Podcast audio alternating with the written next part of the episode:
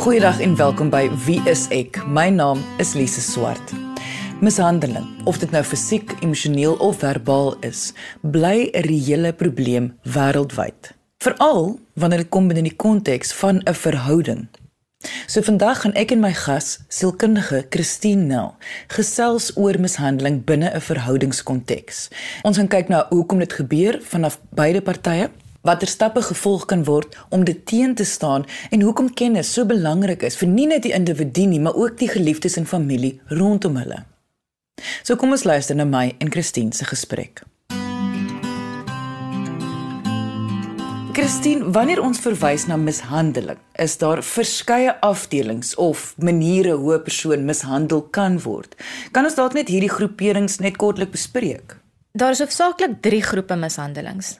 Die eerste een is fisieke mishandeling wat verskillende vorms van fisieke geweld insluit. Dit kan wees dat iemand rondgestamp word, dat iemand geslaan word, dat iemand met 'n mes gesteek word. Daar's verskillende grade daarvan, maar dit is redelik maklik om dit te onderskei.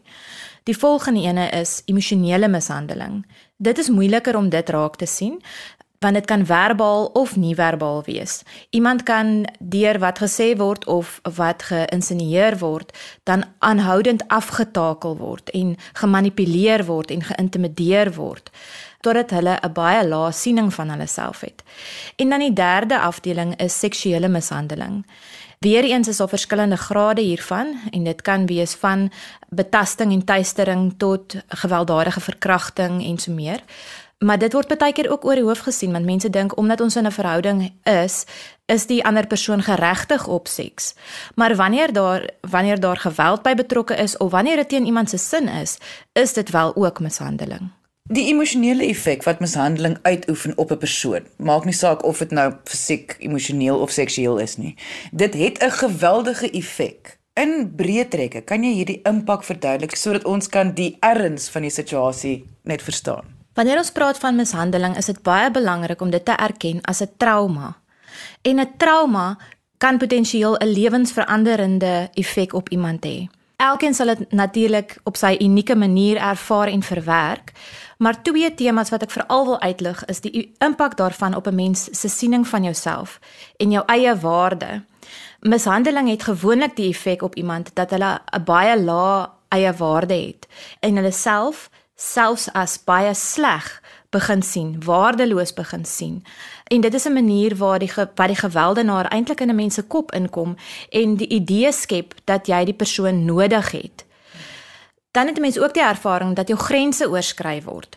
So daar is 'n bedreiging binne in my spasie of dit op 'n emosionele vlak of 'n fisieke vlak is, maak nie regtig so baie saak nie, maar dis 'n idee dat daar 'n bedreiging baie naby aan my kom en ek magteloos is om iets daaraan te doen.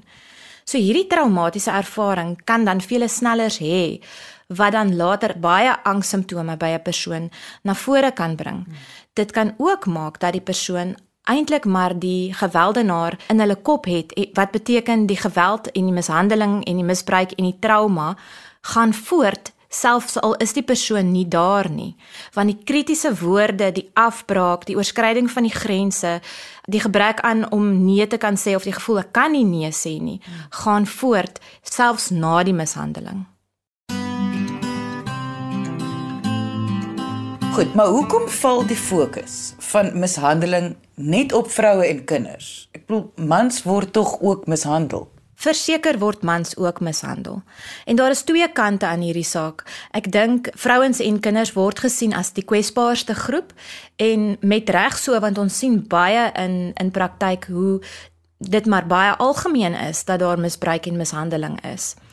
Maar ons kan nie die ander kant van die saak afskeep nie en dit is die feit dat dit ontsettend belangrik is om bewus daarvan te wees dat mans seksueel, fisies en emosioneel ook mishandel word en daar net soveel hulp en aandag aan daardie probleem gegee moet word. Want omdat dit kultureel amper onaanvaarbaar is vir 'n man om in 'n in 'n in hakkies gesê swakker posisie te wees is dit miskien vir hulle selfs nog moeiliker om uit te reik vir hulp. So ons kan nie daardie um, aspek van die probleem ignoreer nie. Wat gaan in die siege of in die kop aan van 'n persoon wat iemand anders mishandel? Dis 'n baie komplekse prentjie. Gewoonlik voel mense wat in daardie posisie is, geregverdig op een of ander manier dat hulle so mag optree. Dit kan ook wees dat daar 'n uh, middelmisbruik of afhanklikheid is, 'n tipe van 'n verslawing soos alkohol of kokaine of iets wat die gedrag dan vererger, nie noodwendig veroorsaak nie, maar vererger. En dan is daar ook baie keer persoonlikheidstrekke betrokke waar iemand nie empaties is teenoor die ander persoon se ervaring nie en dalk selfs nie eers berou kan toon nie. Dan wil 'n mens weet hoekom is dit so? En daar is ook verskeie faktore wat hierop inspel. Dit kan wees die persoon se eie traumas, um, wat dalk al van lankal af al aankom. Dit kan wees dat die persoon blootgestel is en 'n voorbeeld aangeleer het van dit is hoe ek konflik oplos of dit is hoe ek dinge hanteer as dit nie volgens my sin gaan nie. En dan is dit ook in baie kulture aanvaarbaar of tot 'n mate aanvaarbaar dat 'n man 'n vrou tussen hakkies gesê op haar plek mag sit en in sekere gevalle sal dit aanvaarbaar wees om geweld hiervoor te gebruik. So daar is verskillende faktore wat dit vir iemand regverdig in hulle hulle gedagtes om so te kan optree. Soms gebeur dit ook dat iemand self vasgevang is in 'n siklus van gedrag wat hulle dalk besef is 'n probleem. In sekere gevalle kan dit dalk so wees. Ehm um, en wat hulle dalk self voel hulle is nie magtig genoeg of sterk genoeg om daar uit te breek nie. Maar dis gewoonlik 'n minderheid van gevalle. Ek gaan nou die belaglikste vraag op aarde vra. Selfs met alles wat jy nou verduidelik het. Dit is reg vir my om te aanvaar. Dit is verkeerd om iemand anders te mishandel, maak nie saak wat die konteks is nie. Daar is geen rede wat dit ooit aanvaarbaar kan maak dat iemand iemand anders mishandel nie. Dit is net nie moontlik nie. So selfs al verstaan ons waar dit vandaan kom, kan dit nooit die gedrag regverdig nie. Jy luister na Wie is ek op RCG 100 tot 104 FM. Volgens statistieke is van die hoogste sterfgevalle as gevolg van verhoudingsmaats wat hul geliefdes vermoor en is gewoonlik gaan dit gepaard met voorafgaande mishandeling. Hoe is dit moontlik dat in 2018 slagoffers nog bang is om hul verhoudingsmaats aan te kla of iets omtrent die situasie te doen? Van buite af lyk dit baie eenvoudig. Maar van binne af voel dit totaal anders. Die persoon voel gewoonlik baie magteloos. Hulle kan nie dink aan opsies van hoe om hierdie situasie te verander nie. Hulle kan nie dink daar is ander opsies nie. Hulle is baie keer nie eers bewus daarvan dat daar iemand daar buite is wat omgee of wat sal wil help nie. Mm. En ongelukkig moet ons ook erken dat die manier wat ons regstelsel toegepas word, nie altyd die persoon effektief beskerm nie. So mense is dalk ook versigtig om uit te reik vir hulp want hulle is nie seker watter ondersteuning die regstelsel vir hulle sal bied nie. Wat mens dan bring by die eeuoue vraag. Ek bedoel, hoekom bly mense in verhoudings waar hulle mishandel word? Wat is die redes want niemand kies tog om seer gemaak te word nie. Weereens is daar verskillende elemente hier betrokke. Soos wat ek vroeër verduidelik het, omdat daar so baie afbraak van die an, van die persoon se eie waarde is, is hulle selfbeeld baie keer so laag dat hulle nie dink hulle verdien beter nie. En en binne so 'n verhouding word hulle baie keer geblameer vir die ander persoon se gedrag. So hulle voel skuldig. Hulle voel voel dalk dat hulle dit verdien. Daar is baie keer ook 'n mate van afhanklikheid. Soms op 'n emosionele vlak dat hulle voel hulle is swak en het 'n sterk persoon nodig, maar in baie gevalle ook op 'n finansiële vlak want die gewelddenaar is baie keer iemand wat die persoon se ander hulpbronne afsny en hulle so isoleer en afhanklik maak van hulle dat daar nie ander ondersteuning is nie. Daar is nie ander finansiële hulpbronne byvoorbeeld nie. Die persoon is baie keer ook afgesluit van hulle vriende en familie. Hmm. Want daai mate van beheer en isolasie is ontsettend belangrik vir so 'n gewelddenaar. So dit maak dat hulle amper begin aanvaar dat hierdie situasie normaal is. In daardie manier raak hulle dalk afgestomp vir die trauma en besef nie hierdie is nie oukei okay nie. Hierdie is nie gesond nie. Dit is nie dit is nie veilig nie. Ongelukkig in baie gevalle gebeur dit dat iemand self onverwerkte traumas uit die verlede het wat hulle laat voel 'n mate van bekendheid in hierdie situasie voel hmm. en half glo daar is nie iets anders daar buite nie. Dit is maar hoe verhoudings werk. So daar is vele elemente en vele vele redes waarom iemand in so 'n verhouding sal bly. Ek kan ook dink dat in baie gevalle sal ehm um, die geloofsaspek of die huweliksaspek sal 'n rol speel dat mense besluit hulle sal liefs vir hulle kinders bymekaar bly, hulle sal liewers nie wil skei nie. Sou dit ook 'n aspek te wees wat 'n rol speel? Ja, ongelukkig in baie gevalle is dit so dat vrouens sal redeneer dat hulle eerder by 'n mishandelende verhoudingsmaat sal bly as wat hulle hulle kinders sonder 'n pa sal laat groot word. Hmm wat in in daardie situasie vir daardie persoon dan soos 'n baie logiese redenasie klink. Van buite af klink dit nie logies nie, want ons sien die geweld, ons sien die pyn. En dan ook as mense voel dat hulle mag nie skei nie as gevolg van watter oortuigings ook al, selfs al is hulle eie veiligheid en die eh, ingedrang of die veiligheid van hulle kinders ingedrang, dan is daar natuurlik 'n baie hoër risiko dat hulle gaan skade kry. En laastens sal ek ook wil sê dat uh, sal ek ook wil uitlig dat baie keer as vrouens begin praat dat hulle nie gelukkig is in die verhouding nie of probeer weerstand bied dat die geweld of mishandeling sal eskaleer en dat dan hulle dan sal afskrik daarvan om daadwerklike stappe te neem om hulle self en hulle kinders te beveilig uit vrees vir hulle lewens normaalweg. Kan iemand verander? Wat iemand anders mishandel. Met ander woorde kan hulle soos wat ek glo die slagoffer gewoonlik hoop opbou en nooit weer dit doen nie, soos 'n tipe van 'n genesing. Ons almal sal graag wil hê dat daar 'n tower oomblik moet wees wat waarin alles net reggestel word. Maar hierdie vraag weer eens as on, dit hang af wie jy vra. Die slagoffer en die en waarskynlik die gewelddenaar sal sê is dit moontlik dat iemand dat daai persoon kan verander en hulle sal sê ja. Die res van die wêreld sal waarskynlik sê nee. Maar kom ons ehm um, ontgin net die vraag 'n bietjie en kyk wat is die voorwaardes of die omstandighede wat aandui dat daar wel 'n verandering is. Die eerste stap sal wees dat die gewelddenaar moet erken dat daar 'n probleem is, dat hulle 'n probleem het en dat hy of sy verantwoordelikheid sal aanvaar vir die probleem en vir die gevolge van hulle gedrag. Dan is dit ook nodig dat daardie persoon dan sal hulp kry en voortdurend sal hulp kry met hierdie probleemgedrag.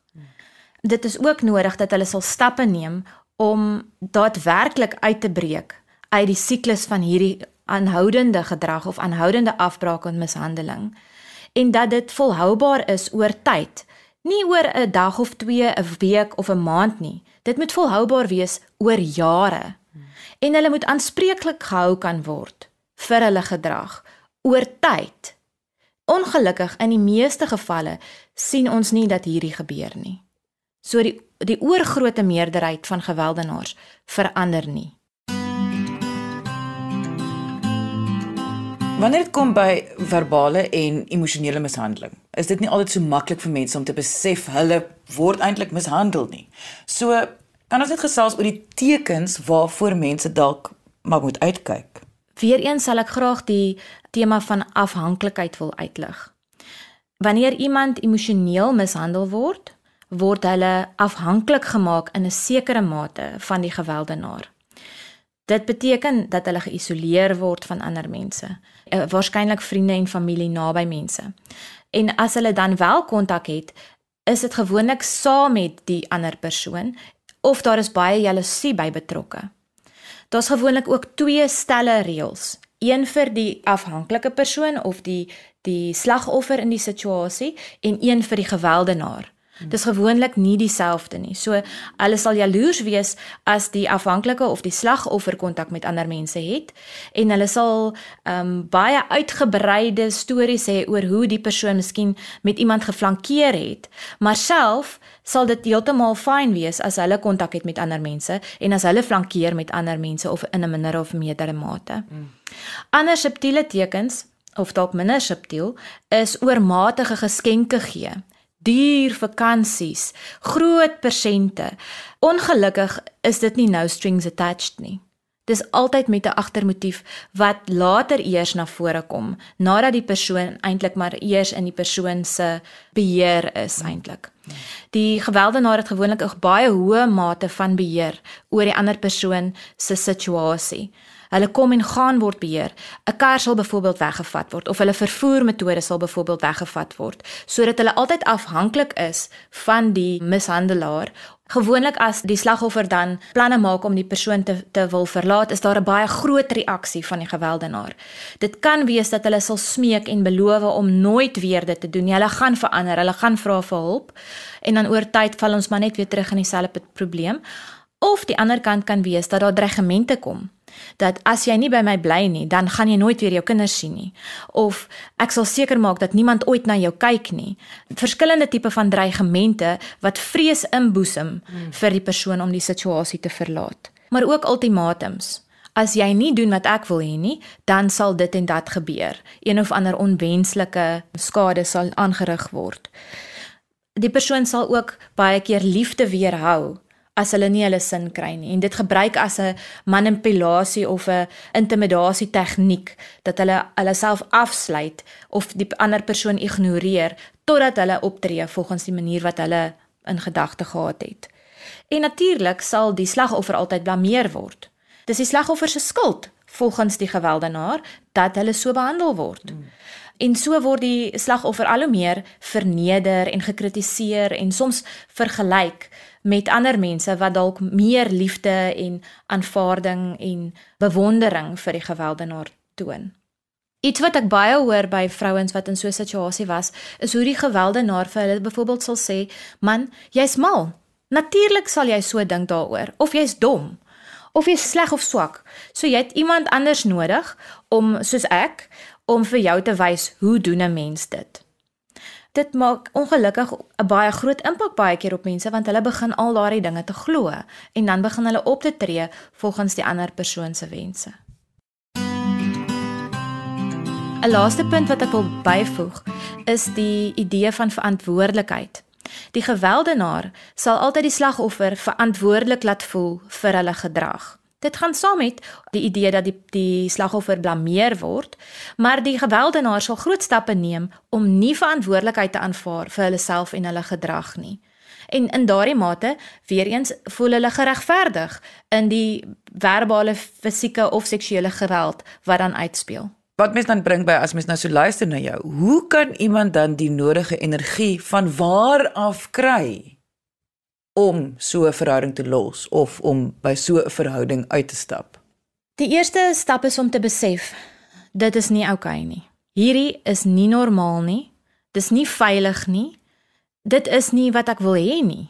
Dit begin daar. Die volgende stap sal wees die wete dat daar wel hulp beskikbaar is. Selfs al voel 'n mens jy het nie vriende of familie nie. Jy het nie iemand na wie jy toe kan uitreik nie. Daar is professionele organisasies wat spesialiseer om mense te help wat in hierdie tipe van situasie hulle self bevind. En die volgende stap is dan om wel 'n plan te kan maak met die hulp van so 'n professionele organisasie waarskynlik of 'n familielid wat kontak het met 'n professionele organisasie om 'n vinnige en effektiewe en veilige plan onder die radar waarvan die gewelddenaar nie weet nie. Dis ontsettend belangrik dat daar nie bewyse vooraf is daarvoor nie. Sodat die persoon dan 'n veilige exit kan maak uit die situasie uit. Indien 'n persoon 'n slagoffer is en na hierdie episode geluister het en oor alles gedink het en nog steeds besef hulle kan nie die verhouding sommer net los nie. So verkeerd as wat die vraag nou klink, maar maak dit van hierdie persoon 'n swak persoon?